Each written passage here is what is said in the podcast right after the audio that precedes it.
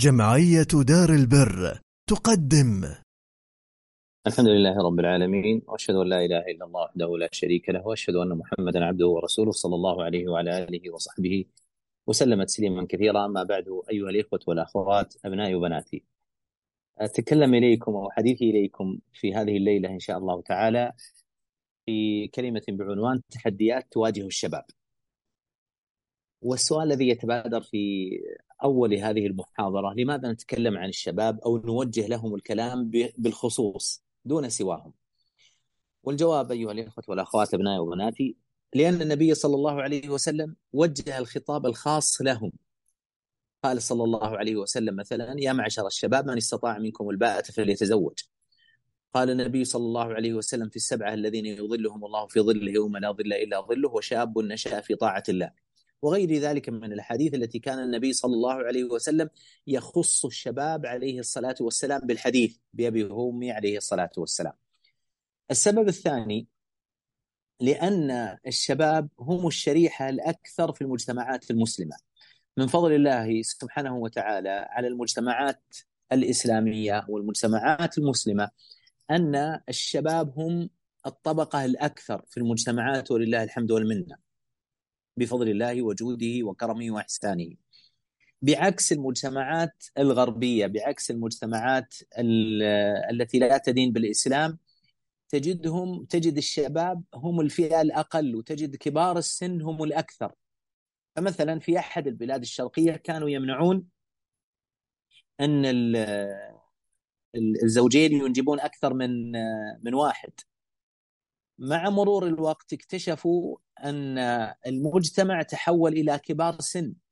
تعرفون المجتمعات بنائها وتطويرها وتنميتها وتقدمها مبنية على الشباب لأنهم هم اللي يعملون هم الذين آه، يبتكرون هم الذين يبدعون إلى غير ذلك مما يقوم به الشباب أكثر من غيرهم.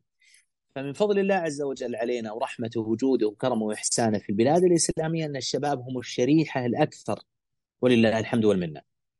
الأمر الثالث الذي لأجله نتكلم عن الشباب أو نوجه خطابنا للشباب خصوصا لأن الأعداء ركزوا الحرب عليهم، أعداء الإسلام والمسلمين لما رأوا أن الشباب هم الشريحة الأكثر وأنها شريحة مؤثرة في المجتمعات الإسلامية وجهوا حربهم إلى هؤلاء الشباب حتى يستطيعوا اختراق المجتمعات الإسلامية حتى يستطيعوا إفساد المجتمعات الإسلامية لذلك كان من المناسب لهذه الأسباب جميعا أن نوجه خطابنا للشباب وأن نتكلم بخطاب مباشر ونخص الشباب بهذا الخطاب. أسأل الله سبحانه وتعالى أن ينفع به.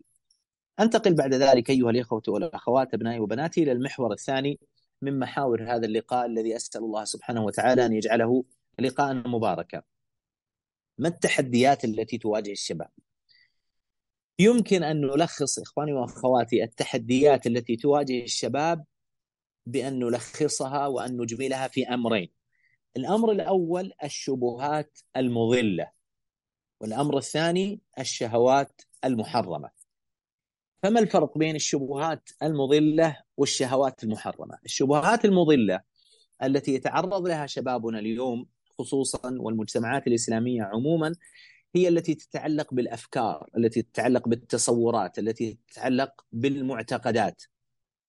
اليوم يواجه المجتمع الإسلامي عموما، مجتمع المسلمين عموما، ومجتمع الشباب خصوصا التحديات العظيمة فيما يتعلق باعتقاد المسلم، فيما يتعلق ب أفكاره فيما يتعلق بتصوراته التي تتعلق بالله وملائكته وكتبه ورسله واليوم الآخر والقدر خيره وشره فيما يتعلق بنظرته للحياة، نظرته للآخرة، نظرته للمجتمعات الإسلامية وغير الإسلامية، كل هذه الأفكار وهذه التصورات وهذه الاعتقادات اليوم يواجه شبابنا حرب مسعورة على اعتقاداتهم وعلى تصوراتهم وعلى أفكارهم. فهذا القسم الأول من التحديات التي يواجهها شبابنا أو شباب المسلمين خصوصا وشباب ومجتمعات الإسلامية عموما.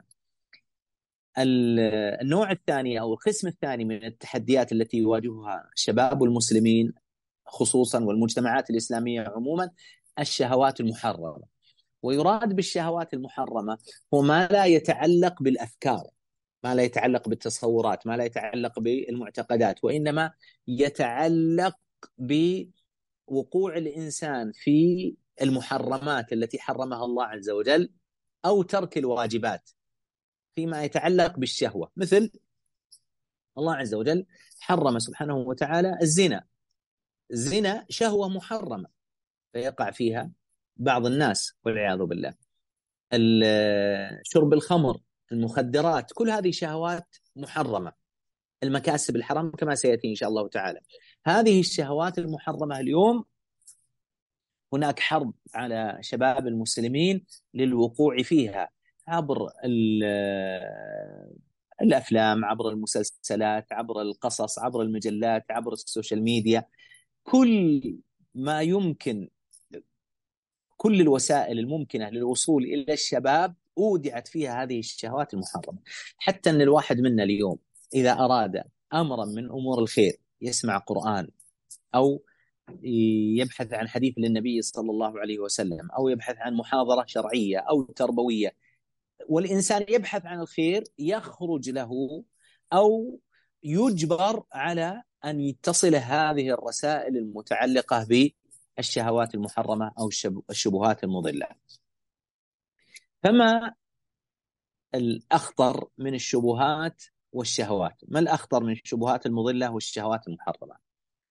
لا شك أن الجميع خطيرة سواء كانت الشبهات المضلة أو الشهوات المحرمة. لكن المسلم ينبغي عليه أن يعرف أيهما أخطر حتى يعرف أيهما يكون حذره أشد ويحاربها أكثر. أجمع أهل السنة والجماعة على أن الذنوب المتعلقة بالشبهات المضلة، الأخطاء المتعلقة بالشبهات المضلة أنها أعظم من الشهوات المحرمة. لماذا؟ لأن الشبهات المضلة متعلقة بالخطأ في دين الله عز وجل وتنسب إلى الله وإلى دينه أو إلى رسوله صلى الله عليه وسلم. قال الله عز وجل: أم لهم شركاء شرعوا لهم من الدين ما لم يأذن به الله. مثلا من الشبهات المضلة اليوم ما يتعلق بالاستغاثه بغير الله أو الذبح لغير الله أو دعاء غير الله سبحانه وتعالى أو من يزعم أن الأولياء والصالحين يعلمون الغيب مع الله عز وجل هذه الشبهات المضلة المخالفة للشريعة الذين يعتقدونها يظنون أنها من دين الله عز وجل ويعتقدون أن الله يحب ذلك وأن الله يريد ذلك إرادة دينية شرعية والعياذ بالله. الأمر الثاني الذي يجعل الشبهات المضلة أعظم من الشهوات المحرمة أن صاحب الشبهات المضلة يعتقد صواب نفسه ويعتقد إنه على خير ويعتقد إنه على الحق. لذلك ورد عن السلف رضي الله عنهم ورحمهم أن الله عز وجل احتجز التوبه عن كل صاحب بدعة يعني كل شبهة مضلة صاحب كل شبهة مضلة. ما معنى احتجز التوبة عن؟ بمعنى قال أهل العلم أي لا يوفق للتوبة. لماذا صاحب الشبهة لا يوفق للتوبة؟ لماذا صاحب الأفكار الخاطئة لا يوفق في الغالب للتوبة أصحاب البدع والأهواء؟ لأنه يعتقد صواب نفسه. فهذا يدفعه إلى أنه لا يبحث عن الحق إلى أنه يرد الحق لأنه يعتقد صواب نفسه والعياذ بالله. فهذا يدلنا على أن الشبهات المضلة أعظم خطرا من الشهوات المحرمة وإن كان الجميع وإن كان الجميع خطيرا وهذا يدعونا إلى أن نركز على ما يتعلق بالشبهات المضلة ولا نغفل الشهوات المحرمة. لأن بعض الناس اليوم للأسف صار جهدهم فقط فيما يتعلق بالشبهات المحرمة ما يتعلق بالشهوات المحرمة. وتناسوا أو نسوا الشبهات المضلة. والعياذ بالله. أنتقل بعد ذلك أيها الإخوة والأخوات إلى المحور الذي يليه من محاور هذا اللقاء الذي أسأل الله عز وجل أن يبارك فيه. ألا وهو. أنواع من الشبهات المضلة والشهوات المحرمة التي يواجهها شباب المسلمين خصوصا والمجتمعات الإسلامية عموما. عفوا اولا نبدأ أيها الإخوة والأخوات أبنائي وبناتي بأنواع من الشبهات المضلة الخطيرة التي يتعرض لها شباب المسلمين اليوم خصوصا والمجتمعات الإسلامية عموما من أعظم وأكبر الشهوات عفوا الشبهات المضلة في هذا العصر مسألة الإلحاد وهو والعياذ بالله إنكار وجود الرب سبحانه وتعالى إنكار الأديان إنكار الدين الصحيح دين النبي صلى الله عليه وسلم إنكار وما يتبع ذلك من إنكار الرسالات إنكار الكتب كل ما يتعلق بعد ذلك بالإيمان بالله عز وجل تجد من وقع في هذا الباب وقع فيما يتفرع عنه من أنواع من الكفر بالله عز وجل. فتجدهم اليوم في مواقع التواصل الاجتماعي أو وسائل الإعلام يطرحون يطرحون مسألة الإلحاد وعلى بل إن كثير من من يسمون بأصحاب العلم المادي صاروا اليوم يروجون للإلحاد ومن طرقهم في ذلك الأبحاث المكذوبة. يعني يأتون بأبحاث مكذوبة غير صحيحة ويجعلون لها حيز من الصدق من باب الكذب على الناس حتى يروجوا للإلحاد فيما يتعلق بمسألة الخلق فيما يتعلق بمسألة الإيجاد من العدم. ويأتون بشبهات مكذوبة في هذا الباب. هذا الباب ألا وهو باب الإلحاد من أعظم الأخطار التي تواجه شبابنا اليوم وسيأتي إن شاء الله تعالى الكلام عن علاج هذه الشبهات في المحور الأخير إن شاء الله تعالى. النوع الثاني من أنواع الشبهات المضلة التي توجه اليوم لشباب المسلمين خصوصا والمجتمعات الإسلامية عموما الشرك والكفر بالله سبحانه وتعالى ما يتعلق بالشرك والكفر بالله سبحانه وتعالى كصرف العبادة لغير الله من الذبح والنذر والاستغاثة والطواف للأموات أو على قبور الأموات لأصحاب الأموات وما يسمى بالأضرحة والمشاهد التي صار كثير من الناس اليوم يروج لها ويرى أن هذا من شرع الله وهذا من دين الله سبحانه وتعالى. ومن الأبواب الخطيرة التي وقع فيها كثير من الشباب خصوصا من الشباب ذكورا أو اناثا ما يسمى بالتعلق بالأبراج. التعلق بالأبراج وهو اعتقاد أن الأبراج أو النظر فيها سبب للوصول إلى علم الغيب والله عز وجل يقول قل لا يعلم من في السماوات والأرض الغيب إلا الله، والنبي صلى الله عليه وسلم يقول من أتى كاهنا أو عرافا فصدقه بما يقول فقد كفر بما أنزل على محمد صلى الله عليه وسلم. واليوم تجد الكثير للأسف من الشباب من الذكور أو الإناث يتعلقون بهذه الأبراج، فيقولون هذا ولد في برج الثور وهذا ولد في برج الحوت وهذا ولد في برج الدلو وهذا ولد في برج العقرب. ثم يقولون لك من ولد في هذا البرج سيحصل له في هذا الأسبوع كذا وكذا وسيحصل له في هذا الشهر كذا وكذا وسيحصل له في هذا العام كذا وكذا. وهذا والعياذ بالله مناف لأصل الإيمان مناف لأصل التوحيد لأن الله عز وجل يقول قل لا يعلم من في السماوات والأرض الغيب إلا الله. لذلك قال النبي صلى الله عليه وسلم من أتى كاهنا أو عرافا فصدقه بما يقول فقد كفر بما أنزل على محمد. ما معنى بما أنزل يعني بالقرآن. لماذا قال النبي صلى الله عليه وسلم إن الذي يصدق أن غير الله يعلم الغيب كفر بالقرآن؟ لأن في القرآن قول الله عز وجل قل لا يعلم من في السماوات والأرض الغيب إلا الله. ومن الشبهات المضلة التي يقع فيها كثير من الناس اليوم الفرق الضالة. الفرق الضالة المراد بالفرق ما ذكره النبي صلى الله عليه وسلم في حديث معاوية وحديث عمرو بن العاص أن النبي صلى الله عليه وسلم قال وستفترق هذه الأمة على 73 فرقة كلها في النار إلا واحدة قالوا من هي يا رسول الله؟ قال من كان على مثل ما أنا عليه اليوم وأصحابي، فالنبي صلى الله عليه وسلم بين بأبي وهو وأمي عليه الصلاة والسلام أن هذه الأمة ستفترق إلى فرق مخالفة إلى 73 فرقة. ما علامة خروجها وخلافها أن تخالف ما كان عليه النبي صلى الله عليه وسلم والصحابة. فعلامة الفرقة الناجية هي لزوم طريقة النبي صلى الله عليه وسلم وطريقة الصحابة من كان على مثل ما أنا عليه اليوم وأصحابي. طيب ما علامة الفرق الأخرى؟ مخالفة طريقة النبي صلى الله عليه وسلم وطريقة أصحابه. اليوم أصحاب الفرق المخالفة يصرحون بأنفسهم أنهم لهم طرق مخالفة لطريقة النبي صلى الله عليه وسلم فيسمون هذه هي الطريقة الفلانية وهذه الطريقة الفلانية وهذه الطريقة الفلانية وهذه الفرقة الفلانية التي تسمى باسم صاحبها طيب لماذا سميت باسم صاحبها وطريقة صاحبها؟ لأنهم يعترفون أنهم يخالفون طريقة النبي صلى الله عليه وسلم وإلا لو كانوا على طريقة النبي صلى الله عليه وسلم وطريقة أصحابه لما سموها بهذه الأسماء وإنما سموها طريقة النبي صلى الله عليه وسلم وطريقة أصحاب النبي صلى الله عليه وسلم. فمن هذه الفرق اليوم مثلا من يقع في ويكون للشعار أن يسب أصحاب النبي صلى الله عليه وسلم والوقوع في أمهات المؤمنين. هذه إحدى الفرق اليوم. من الفرق من يتبنى نفي صفات الله عز وجل ويقول إن الله سبحانه وتعالى ليس من صفاته أنه يرحم وليس من صفاته أنه يغضب وليس من صفاته سبحانه وتعالى أنه يتكلم. فينفون الصفات عن الله عز وجل. هذه فرقة من الفرق.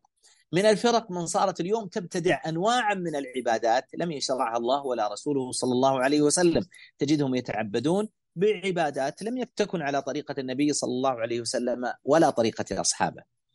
من أنواع الشبهات المضلة اليوم التي يتعرض لها شبابنا ذكورا وإناثا الأحزاب الخارجة عن السنة ما المراد بالأحزاب؟ أريد بالأحزاب أي الأحزاب المعاصرة اليوم التي خرجت باسم الدين أو بغير اسم الدين من أجل ماذا؟ من أجل تمزيق المجتمعات الإسلامية وهذه الأحزاب هي على طرفي نقيض إما إلى الغلو وإما إلى الجفاء إما إلى الإفراط وإما إلى التفريط. فمثلا وجدت ما يسمى بالأحزاب المتأسلمة التي تزعم أنها تريد إرجاع الدين وتريد إرجاع الحكم الإسلامي. وكل هذه الشعارات إنما هي وسائل يتوصلون بها لدغدغة عواطف الشعوب الإسلامية من أجل تمزيق وحدتهم، ورأينا ما وقع في الربيع العربي لما جاءت هذه الأحزاب ودعت الناس إلى ما يسمى بالربيع العربي وسمته الجهاد في سبيل الله والقيام على الظلمة و و و و ما النتيجة؟ النتيجة تمزيق المجتمع المسلم جعلت البلد الواحد أبناء البلد الواحد يقتل بعضهم بعضا. أبناء العمومة أبناء الأب الواحد أبناء الأم الواحدة هذا من حزب وهذا من حزب يقتل بعضهم بعضا من أجل الحزب وهذا الذي يريده أعداء أعداء الإسلام. فهذه طائفة من الأحزاب طائفة الغلو والإفراط طائفة الإرهاب طائفة التكفير طائفة التحزب باسم الإسلام والإسلام منها براء. الطائفة الثانية من الأحزاب الخارجة عن السنة طوائف التفريط طوائف الجفاء باسم الحرية باسم المدنية باسم التطور صاروا ينكرون الثوابت في دين الله عز وجل. ينكرون تحريم الخمر ينكرون تحريم الزنا ينكرون وجوب الحجاب ينكرون وجوب الصلاة ينكرون حتى وجوب الأركان.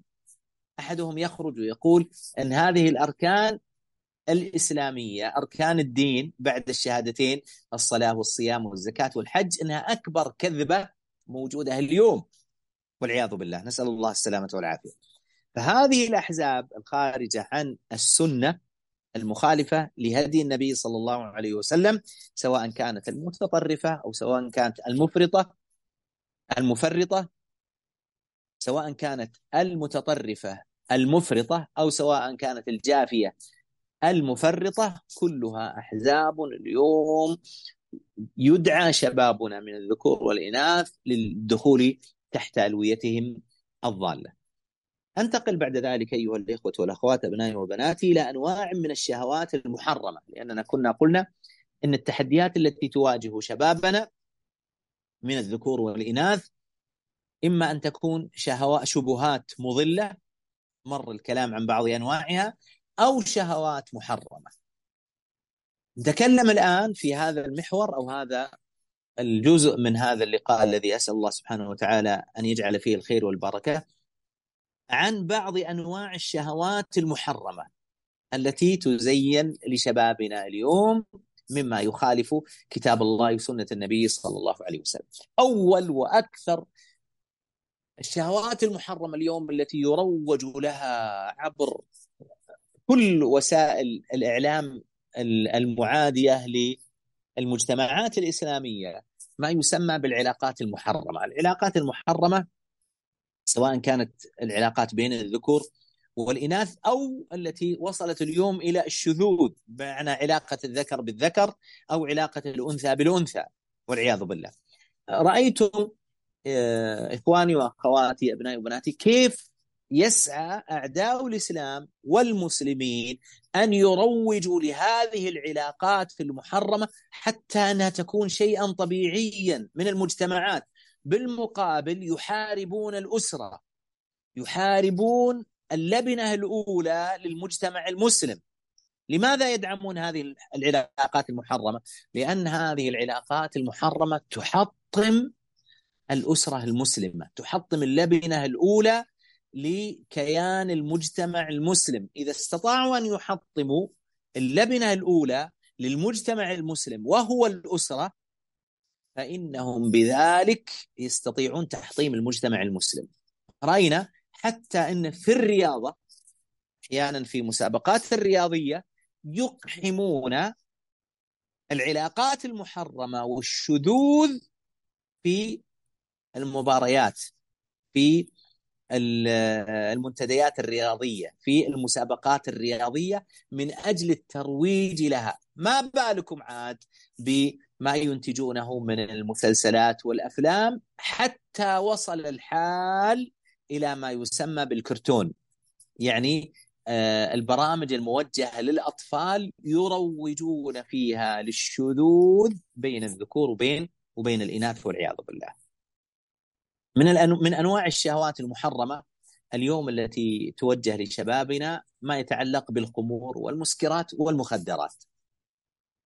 اليوم يا إخواني وأخواتي الهجمة شرسة على شبابنا بحيث إنه يصور لهؤلاء الشباب إن هذه الشهوة شهوة فيها متعة، لذلك صاروا ما يسمونها باسمها الذي سماها الله ورسوله صلى الله عليه وسلم إنما الخمر والميسر والأنصاب والازلام رجس من عمل الشيطان، لا سموها باسم محبب للشباب المشروبات الروحية.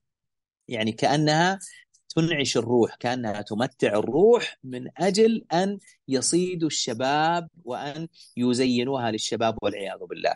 ومعلوم أن الخمور والمخدرات أم الخبائث فهي بوابة للوقوع في كل الشرور والآثام والعياذ بالله. فإن الإنسان إذا وقع في شرب الخمور والمخدرات أضاع كل الضروريات. ما يتعلق بالدين ما يتعلق بالعقل ما يتعلق بالمال ما يتعلق بالعرض والعياذ بالله وما يتعلق بالنفس.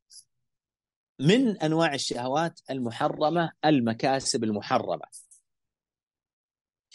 أعداء الإسلام عندهم أن الوسيلة أن الغاية تبرر الوسيلة، فإذا كانت الغاية هي الحصول على المال فإنه يجوز للإنسان أن يسلك أي طريقة حتى الطريقة المحرمة، أي طريقة يسلكها الشاب للوصول إلى المال فهي طريقة صحيحة وهي طريقة متاحة.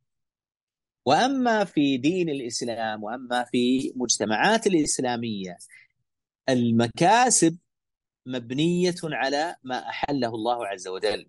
قال الله عز وجل وأحل الله البيع وحرم الربا. فهذا نوع من أنواع المكاسب المحرمة التي حرمها الله عز وجل. ويقول النبي صلى الله عليه وسلم من غش فليس منا. الغش من المكاسب المحرمة. ولا تأكلوا أموالكم بينكم بالباطل. أكل أموال الناس بالباطل. هذه من المكاسب المحرمة. من المكاسب المحرمة اليوم الموجهة للشباب خصوصا الذكور والإناث الشهرة بالمحتوى المحرم.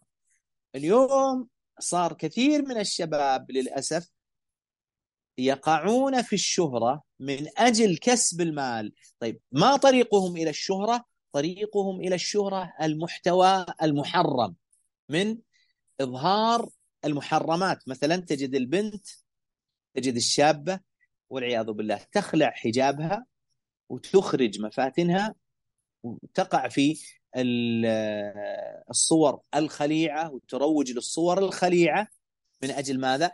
من أجل أن تصل للشهرة التي هي بوابتها إلى أي شيء؟ بوابتها إلى الكسب وهذا كسب محرم. اليوم للأسف صار كثير من هذه الوسائل ما يسمى بال social media اليوم تروج على أن الشهرة طريق للكسب المال ولو كانت هذه الشهرة بالمحتوى المحرم. كم من شاب دخل في هذه المواقع ما يسمى بال social media السناب شات أو تويتر أو الإنستغرام أو التيك توك أو غير ذلك من مواقع التواصل الاجتماعي دخل وهو شاب عادي أو شابة طبيعية آه، ثم تدرج بهم الشيطان خطوة خطوة حتى وقعوا في الحرام الصراح من أجل الوصول إلى الشهرة والكسب المحرم والعياذ بالله. من أنواع الشهوات المحرمة التي يتعرض لها شبابنا وأبنائنا وبناتنا نسال الله سبحانه وتعالى أن يعصمهم إنه على كل شيء قدير السماع المحرم والنظر المحرم. اليوم للأسف بسبب انتشار ما يسمى بالأجهزة الذكية في أيدي الناس صار السماع المحرم والنظر المحرم كأنه مثل الأكل والشرب والعياذ بالله، نسأل الله السلامة والعافية. فتجد الشاب أو الشابة منذ أن يصبح وأن يوم إلى أن يمسي وهو يسمع للحرام وينظر للحرام ويتنقل من سماع حرام إلى سماع حرام ومن نظر حرام إلى إلى نظر حرام. نسأل الله السلامة والعافية. والله عز وجل يقول وقل للمؤمنات قل للمؤمنين يغضوا من أبصارهم ويحفظوا فروجهم وقل للمؤمنات يغضضن من أبصارهن ويحفظن فروجهن. بعد ذلك أيها الإخوة والأخوات أبنائي وبناتي انتقل إلى الطرق التي ينجو بها الشباب من الشبهات المضلة ثم ننتقل إلى الطرق التي ينجو بها الشباب من الشهوات المحرمة. الطرق التي ينجو بها الشاب من الشبهات المضلة أول طريق وأهم طريق وهو الأصل لبقية الطرق العلم. العلم الشرعي. لا يمكن أن يتحصن شبابنا عن الوقوع في الشبهات المضلة إلا بالعلم. العلم بكتاب الله العلم بسنة النبي صلى الله عليه وسلم العلم بما كان عليه السلف الصالح كان النبي صلى الله عليه وسلم وأصحابه وسلفنا الصالح كانوا يحرصون على تعليم الناس العلم فيما يتعلق بالإيمان فيما يتعلق بالمعتقد فيما يتعلق بالأفكار فيما يتعلق بالتصورات. لذلك النبي صلى الله عليه وسلم لما جاءه جبريل في صورة الرجل قال أخبرني عن الإسلام. قال الإسلام أن تشهد أن لا إله إلا الله وأن محمد رسول الله وتقيم الصلاة وتؤتي الزكاة وتصوم رمضان وتحج البيت إن استطعت إليه سبيلا. قال صدقت. قال فأخبرني عن الإيمان. قال الإيمان تؤمن بالله وملائكته وكتبه ورسله واليوم الآخر والقدر خيره وشره. من أراد أن يحصن أولاده من الشبهات لابد أن يعلمهم أصول الإيمان. لابد أن يعلمهم الاعتقاد الصحيح الاعتقاد الصحيح في الله الاعتقاد الصحيح في ملائكته وكتبه ورسله واليوم الآخر والقدر خيره وشره. ولذلك شيخ الإسلام رحمه الله تعالى في أول الواسطية ماذا قال؟ قال هذا اعتقاد الفرقة الناجية والطائفة المنصورة إلى قيام الساعة وهو الإيمان بالله وملائكته وكتبه ورسله واليوم الآخر والقدر خيره وشره. هذه هي أصول الإيمان التي يتفرع عنها يتفرع عنها كل مسائل مسائل متعلقة بالإيمان والاعتقادات والتصورات والأفكار. لذلك كان السلف يقولون إذا أفصح غلامك فعلمه لا إله إلا الله. منذ أن يبدأ يقول يتعلم منذ أن يبدأ الكلام أول ما يعلم يعلم لا إله إلا الله. ليست لفظا بل لفظا ومعنى وعملا. فلا يمكن أن نحمي شبابنا اليوم إلا أن نبدأ ببناء الاعتقاد والتصورات والأفكار والإيمان الصحيح في قلوبهم. للأسف اليوم كثير من الناس يهتم فيما يتعلق بالحياة الدنيا. يهتم فيما يتعلق باللغات. غير العربية تجد حريصا ولده يدخل مدرسة تعلمه اللغات تعلمه الأمور الدنيوية. وهذا لا بأس به لكن بشرط أن لا يكون ذلك على حساب الدين حساب المعتقد حساب الإيمان على حساب الأفكار. على حساب التصورات قال الله تعالى يعلمون ظاهرا من الحياة الدنيا وهم عن الآخرة هم غافلون. نسأل الله السلامة والعافية. من أسباب النجاة من الشبهات لزوم العلماء الراسخين. لزوم العلماء الراسخين قال الله تعالى يرفع الله الذين آمنوا منكم والذين أوتوا العلم درجات. اليوم يا إخواني وأخواتي أبنائي وبناتي يحتاج أولادنا يحتاج شبابنا من الذكور والإناث أن نربطهم بالعلماء الراسخين من أهل السنة والجماعة. مصيبة كثير من أبنائنا وبناتنا شبابنا وشاباتنا التعلق بالقدوات غير الصحيحة القدوات المزورة. تجدهم يتعلقون بفلان وفلانة. وهم مخالفون لطريقة الكتاب والسنة وما كان عليه أصحاب النبي صلى الله عليه وسلم.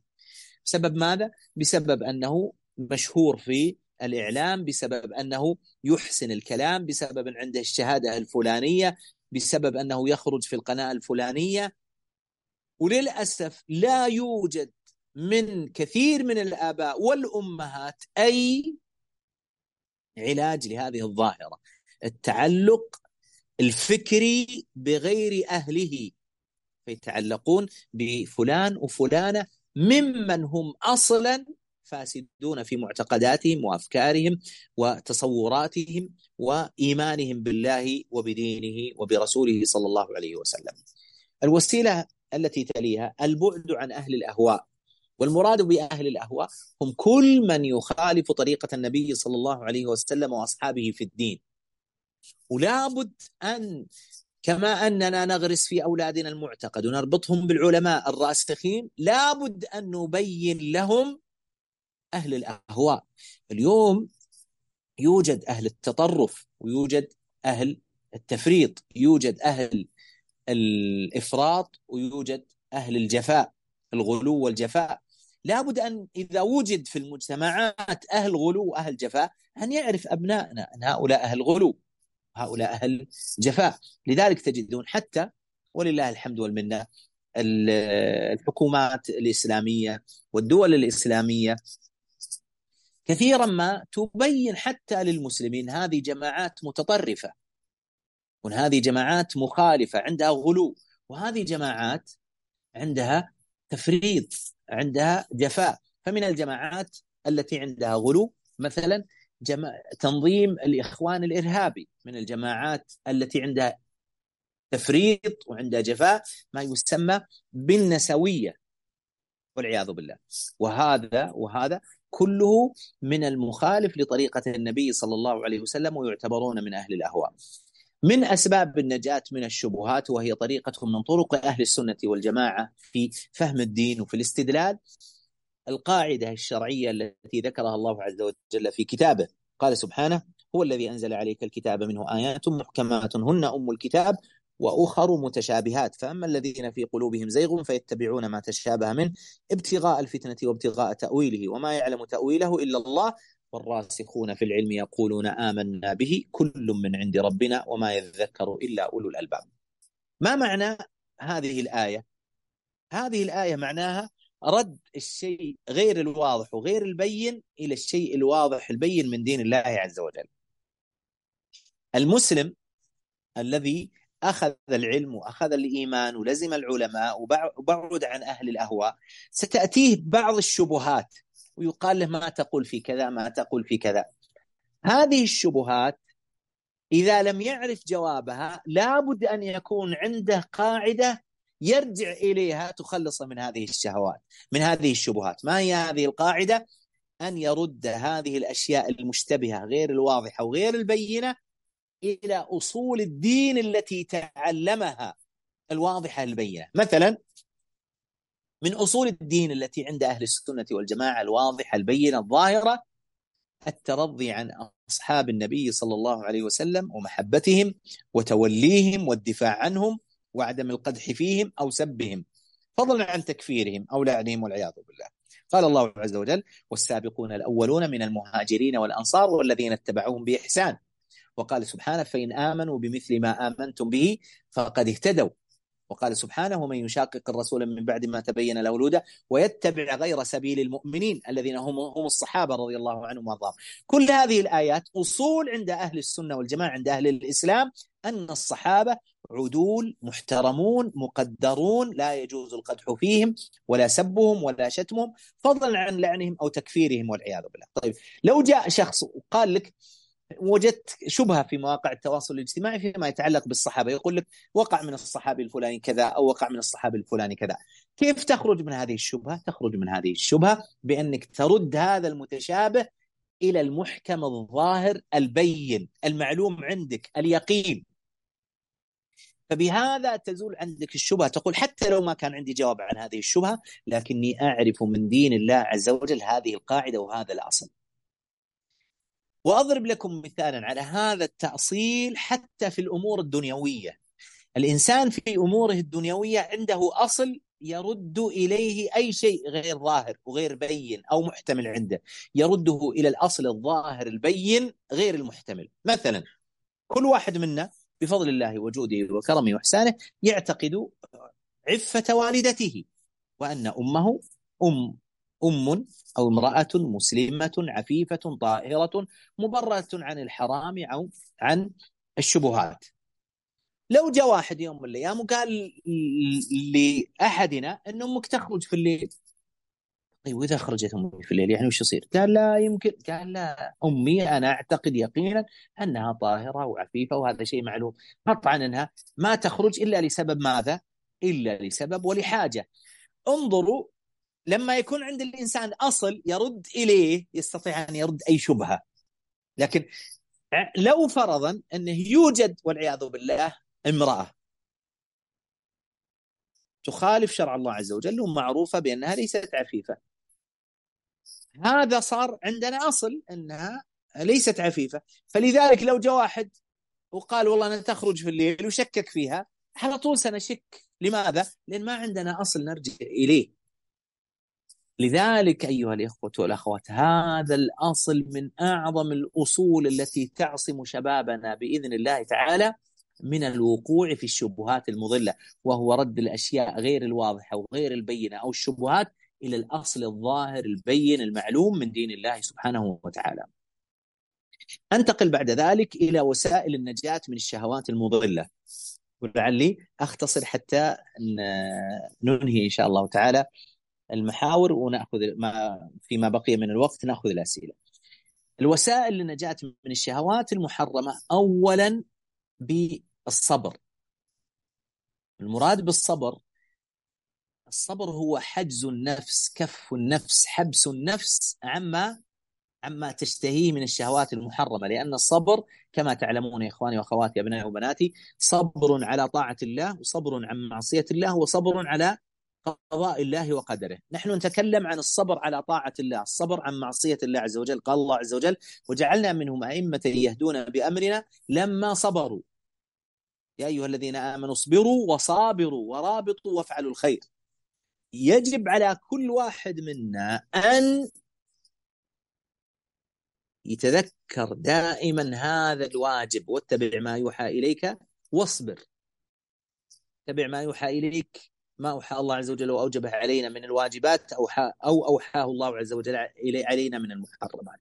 لا يمكن أن نجتنب المحرمات أو نفعل الواجبات إلا بالصبر. والمراد بالصبر هو حبس النفس وكفها عن ماذا؟ عن الوقوع في المحرمات أو ترك الواجبات. من الوسائل للنجاة من الشهوات الصحبة الصالحة قال الله عز وجل واصبر نفسك مع الذين يدعون ربهم بالغداة والعشي يريدون وجهه ولا تعد عيناك عنهم تريد زينة الحياة الدنيا ولا تطع من أغفلنا قلبه عن ذكرنا واتبع هواه وكان أمره فرطا عن المرء لا تسل وسل عن قرينه فكل قرين بالمقارن يقتدي إذا أردت أن تعرف التاجر وتبحث عن التاجر أين تبحث عنه؟ تبحث عنه بين التجار الطبيب وين تجده؟ بين الأطباء المهندس وين تجده؟ بين المهندسين وهكذا لأن الناس عندهم قاعدة وهي أن الإنسان يجنح أو يحب أو يجتمع مع من يماثله. فمن أعظم أسباب النجاة من الشهوات أن يكون عندك صحبة صالحة أن يكون عندك أصدقاء صالحين يأمرونك بطاعة الله إذا جهلت يذكرونك بطاعة الله إذا نسيت ينهونك عن معصية الله عز وجل إذا جهلتها. يذكرونك بعدم الوقوع في المعصية وينكرون عليك إذا وقعت. هذه الصحبة الصالحة لا يمكن لا يمكن لا يمكن للعبد أن ينجو من الشهوات إلا بها. لذلك قاتل المئة لما جاء إلى العالم وقال إني قتلت مئة نفس فهل لي من توبة؟ قال ومن يحول بينك وبين التوبة ولكنك بأرض قوم سوء فلا ترجع إليهم وأتي إلى قوم كذا وكذا فإنهم أناس صالحون فاعبد الله معهم. لاحظوا؟ قال لا ترجع إلى أصحاب السوء. لأن أصحاب السوء يزينون لك الحرام يزينون لك ترك الواجب. وأتي إلى قوم كذا وكذا فإنهم أناس صالحون. لماذا؟ لأنهم يذكرونك بطاعة الله يعينونك على ترك معصية الله سبحانه وتعالى وهذا معروف بالتواتر أنه الإنسان إذا كان يريد الصلاح لابد أن يصحب الصالحين وبمجرد أنه يصحب الفاسدين فإنه يفسد مع مرور الوقت والعياذ بالله. الأمر الأخير الذي أختم به فيما يتعلق بوسائل النجاة من الشهوات معرفة كيفية التعامل مع الذنوب. اليوم إخواني وأخواتي أبنائي وبناتي كثير من الناس يفشل في التعامل مع ذنوبه. مما مما يجعله لا يستطيع أن يخرج من هذه من هذه الذنوب. لابد أن يعرف الإنسان كيف يقع أو كيف يخرج من الشهوة المحرمة إذا وقع فيها. اولا ينبغي الانسان أن لا يقع أصلا في في الشهوة. لكن لو وقع لابد أن يكون عنده طرق للخروج من هذه الشهوة المحرمة اجملها في آه، نقاط لأني لا أستطيع أن أطيل تحتاج هذه إلى محاضرة وكل واحد منكم يستطيع أن يرجع إلى تفصيل هذه فيما في البودكاست الأخير مع الإخوة في آه، رفوف. آه، كنت ألقيت بودكاست بعنوان الاستراتيجيات السبع للنجاة من الذنوب أو هزيمة الشيطان. هذه الاستراتيجيات السبع أولها لا تتعدى الخطوط الحمراء ولا تدخل حقول الألغام من الكفر والشرك بالله عز وجل وظلم آه، العباد والمعاصي الإدمانية. ثاني لا تصر على المعاصي. وحاول أنك تجعل المعصية مجرد زلة واستثناء من حياتك ترجع بعدها إلى الصراط المستقيم. لا تجاهر وإياك أن تكون داعية للشيطان بالمجاهرة. لا تكثر وتخفف فإن يوم القيامة يكون بالميزان ونضع الموازين القسط ليوم القيامة فلا تظلم نفس شيئا. الأمر الذي يليه تب واستغفر. ولو وقعت في الذنوب داوم على الاستغفار. يقول يقول ابن عمر كنا نعد للنبي صلى الله عليه وسلم في المجلس الواحد أن يقول اللهم اغفر لي وتب علي إنك أنت التواب الرحيم أكثر من 100 مرة. السادس أتبع السيئة الحسنة تمحها مثل ما قال الله عز وجل وأقم الصلاة طرفي النهار وزلفا من الليل إن الحسنات يذهبن السيئات. إذا أوقعك في الشيطان في معصية الله ف انتقم من الشيطان بأن تطيع الله. اقرأ القرآن تصدق بر والديك صل رحمك قم الليل أوتر قم الاثنين والخميس ساعد الفقراء المساكين الأرامل الأيتام. افعل أي نوع من أنواع الخير. الأمر الأخير السابع والأخير لا تيأس ولا تقنط من رحمة الله ومن يقنط من رحمة ربه إلا الضالون. إنه لا ييأس من روح الله إلا القوم الكافرون. وكيف ييأس الموحد وكيف ييأس المؤمن؟ والله عز وجل يقول قل يا عبادي الذين أسرفوا على أنفسهم لا تقنطوا من رحمة الله إن الله يغفر الذنوب جميعا إنه هو الغفور الرحيم أسأل الله سبحانه وتعالى أن يحفظنا بجميل حفظه. هذا من أعظم الوسائل لمواجهة التحديات هو الدعاء أن ندعو لأنفسنا أن ندعو لأولادنا أن ندعو لشبابنا لشاباتنا. يا إخواني وأخواتي إذا الإنسان بيدعو يدعو لنفسه ويدعو لأهل الإسلام والذين جاءوا من بعدهم يقولون ربنا اغفر لنا ولإخواننا الذين سبقونا بالإيمان ولا تجعل في قلوبنا غلا للذين آمنوا. انظروا كيف إن المؤمن ما يكتفي بالدعاء لنفسه بل يدعو لنفسه ولإخوانه المؤمنين والمسلمين. فنسأل الله سبحانه وتعالى أن يحفظنا وأن يحفظ شبابنا وشباب المسلمين وأن يحفظ زوجاتنا ويحفظ ذرياتنا ويحفظ إخواننا ويحفظ أخواتنا. وسائر المسلمين بحفظه وأن يجنبهم الشبهات والشهوات المحرمة. إنه على كل شيء قدير. وآخر دعوانا الحمد لله رب العالمين. وصلى الله وسلم وبارك على نبينا محمد وعلى آله وصحبه أجمعين. جزاكم الله خيرا. جزاكم الله خيرا شيخنا وأحسن الله إليكم. آه، إذا كان أحد عنده سؤال ممكن يرفع إشارة رفع اليد واسمح له سؤال الشيخ أي نعم. الأخ ربيع بن عبد الرحمن. ربيع من الجزائر يا شيخ أنا أحبك في الله. أحبك الله الذي أحببتني لأجله. أسأل الله أن يجمعنا في الفردوس وأن يظلنا بظله يوم لا ظل إلا ظله. والمستمعين والمشاهدين والمشاهدات أجمعين يا رب العالمين. بما تنصح يا شيخ الوالدين الذي يطرد ابنه بمجرد ما تكون هنالك بعض ال... بعض التصرفات من الابن وهو قد تجاوز تجاوز العشرين الطفل. نعم ما عاد هو بطفل. ليس طفلا لتجاوز العشرين. الله. نعم. سبق الكلام عن هذه هذا الأسلوب التربوي وهو طرد الإبن أو البنت من البيت بسبب المخالفة. وهذا الأسلوب التربوي آه، لو كان ناجحا في عصور ماضية لما كانت المجتمعات الإسلامية مجتمعات صغيرة داخل القرى أو الأحياء الصغيرة وكان بينهم ترابط كأنهم أسرة واحدة كانوا في السابق يستخدمون هذا الأسلوب يطرد الولد فإذا طرد كل المجتمع المحيط يشكل ضغط على الولد حتى يتلافى خطأه ويرجع إلى والديه معتذرا منكسرا يعاهدهم على أن لا يعود مرة أخرى. أما اليوم هذا استخدام هذا النوع من الأساليب في التربية إنما هو فرار من المشكلة. يقول النبي صلى الله عليه وسلم كما في الصحيح كلكم راع وكلكم مسؤول عن رعيته فالرجل في بيته راع ومسؤول عن رعيته. أنت مسؤول. سيسألك الله عز وجل لما تطرد هذا الشاب هل حصلت المصلحة الأعظم واندفعت المفسدة الأعظم أم حصل العكس؟ يعني حينما مثلا الأب وجد ولده مثلا آه، يتأخر في الصلاة أو وجد ولده مثلا يسمع الحرام أو ينظر للحرام وقام طرده من البيت. حينما طرده من البيت هل سيحافظ الولد على الصلاة الذي من أجله طرده؟ هل سيترك سماع ما حرم الله والنظر؟ أم سيقع فيما هو أعظم؟ قد تتلقفه العصابات والأحزاب التطرف الإفراط أو التفريط.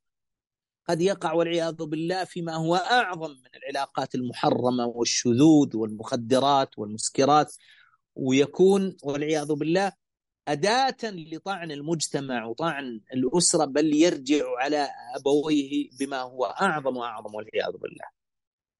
أنا أنصح كل أب كل أم أن يتقوا الله عز وجل في أولادهم يعلموا أن مسألة الطرد أن هذه اليوم ستجر قطعا مفسدة أعظم وأعظم وأعظم على الولد نسأل الله سبحانه وتعالى أن يصلح حال المسلمين. نعم. آه، شيخنا حفظكم الله. بالنسبة للسؤال كيف أحافظ على نفسي وديني في زمن كثر فيه الفتن؟ نعم تقدم معنا فيما يتعلق بالوسائل آه، سواء سواء آه، وسائل الشبهات أو وسائل أو وسائل يعني الخلاص من الشبهات أو وسائل الخلاص من الشهوات المحرمة. وذكرنا وذكرنا جملة من ذلك العلم ولزوم العلماء والبعد عن أهل الأهواء ورد المتشابه للمحكم. والصبر والصحبة الصالحة ومعرفه كيفية التعامل مع الذنوب والدعاء ودعاء الله سبحانه وتعالى. من أعظم الوسائل في ذلك العبادة. قال الله عز وجل ولو أنهم فعلوا ما يوعظون به لكان خيرا لهم وأشد تثبيتا قال الله عز وجل يا أيها المزمل قم الليل إلا قليلا نصفه أو انقص منه قليلا أو زد عليه ورتل القرآن ترتيلا لماذا؟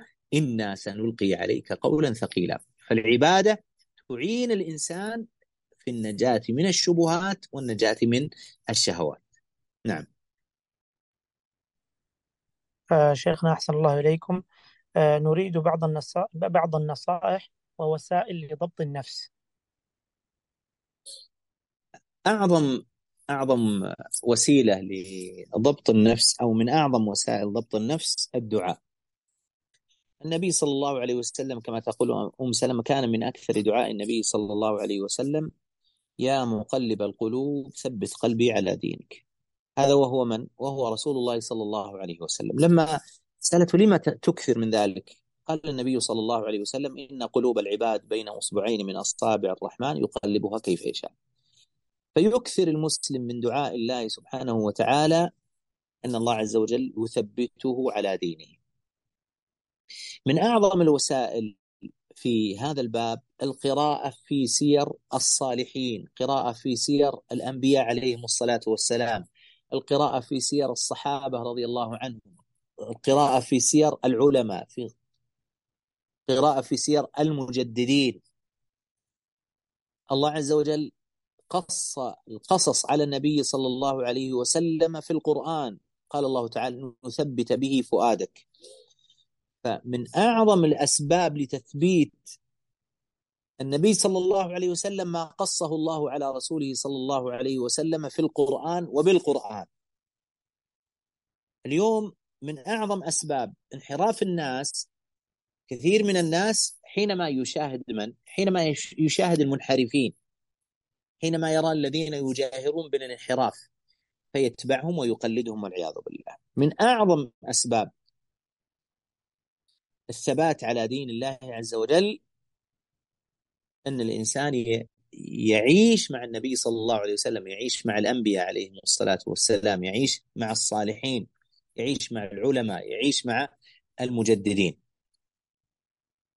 من أعظم أسباب الانتصار على الشهوات تقدمت معنا أن الإنسان يكثر من العبادة يكثر من الذكر. يقول الله عز وجل فاذكروني أذكركم. ويقول النبي صلى الله عليه وسلم يقول الله تعالى في الحديث القدسي أنا مع عبدي ما ذكرني وتحركت بي شفتاه. ولما جاء الرجل يسأل النبي صلى الله عليه وسلم قال أوصني. قال لا يزال لسانك رطبا من ذكر الله تعالى. فإن ذكر الله سبحانه وتعالى يعمر القلب بالإيمان ويعمر القلب بخشية الله ويعمر القلب بمحبة الله ويعمر القلب بالخوف من الله سبحانه وتعالى. فينبغي للإنسان أن يكون له ورد في الصباح في المساء وفي غير ذلك من الأوراد. قد كان أبو هريرة رضي الله عنه يسبح الله عز وجل أي يذكر الله عز وجل في اليوم ثنتي عشرة ألف تسبيحة. فينبغي لكل واحد منا أن يجعل له في اليوم والليلة جزءا من هذا الذكر ما ينقصه. يجعل له ألف ألف وخمسمائة ألفين مرة. وهي يسيرة وسهلة على من يسرها الله سبحانه وتعالى عليه. نعم. أحسن الله إليكم شيخنا. أه تقول السائلة ما نصيح ما هي نصيحتك للأشخاص المدمنين على وسائل التواصل الاجتماعي؟ نصيحتي لهم أن ينجوا بأنفسهم. الإدمان على هذه المواقع يؤدي إلى فساد الدين والدنيا. بمعنى أن الإنسان يترك ما ينفعه في أمر دينه ودنياه من أجل بسبب هذا الإدمان. والله يا إخواني وأخواتي أبنائي وبناتي وجدت بعض الأسر هدمت بسبب الإدمان إدمان الزوج أو الزوجة على هذه المواقع. وجد الطلاق وجد تشتت الأولاد من الأبناء والبنات بسبب إدمان الأب أو الأم على هذه على هذه مواقع التواصل. بل قد لا تصدقون يا إخواني وإخواتي بعض الناس فقدوا أعمالهم ووظائفهم بسبب الإدمان على مواقع التواصل الاجتماعي. وجرهم ذلك إلى فقد أسرهم وفقد زوجاتهم وفقد أولادهم بسبب الإدمان على مواقع التواصل الاجتماعي. كيف الخروج؟ الخروج أولا لابد أن الإنسان يعرف أن هذا خطأ. ولابد أن الإنسان يحاسب نفسه ويجعل له خطة للخروج من هذا الإدمان. لا يكفي أنك تعرف أنه خطأ بل لابد أن يكون هناك خطة للخروج من هذا الإدمان حتى لو اضطر الإنسان لزيارة العيادات النفسية والعلاج السلوكي لعلاج هذا الإدمان قبل أن يقضي عليه في دينه ودنياه والعياذ بالله. ولعلنا نكتفي بهذا القدر فقد أكملنا الساعة ولله الحمد والمنة. جزاكم الله خيرا شيخنا وأحسن الله إليكم ونفع الله بكم شيخنا. وبكم الله يحفظكم.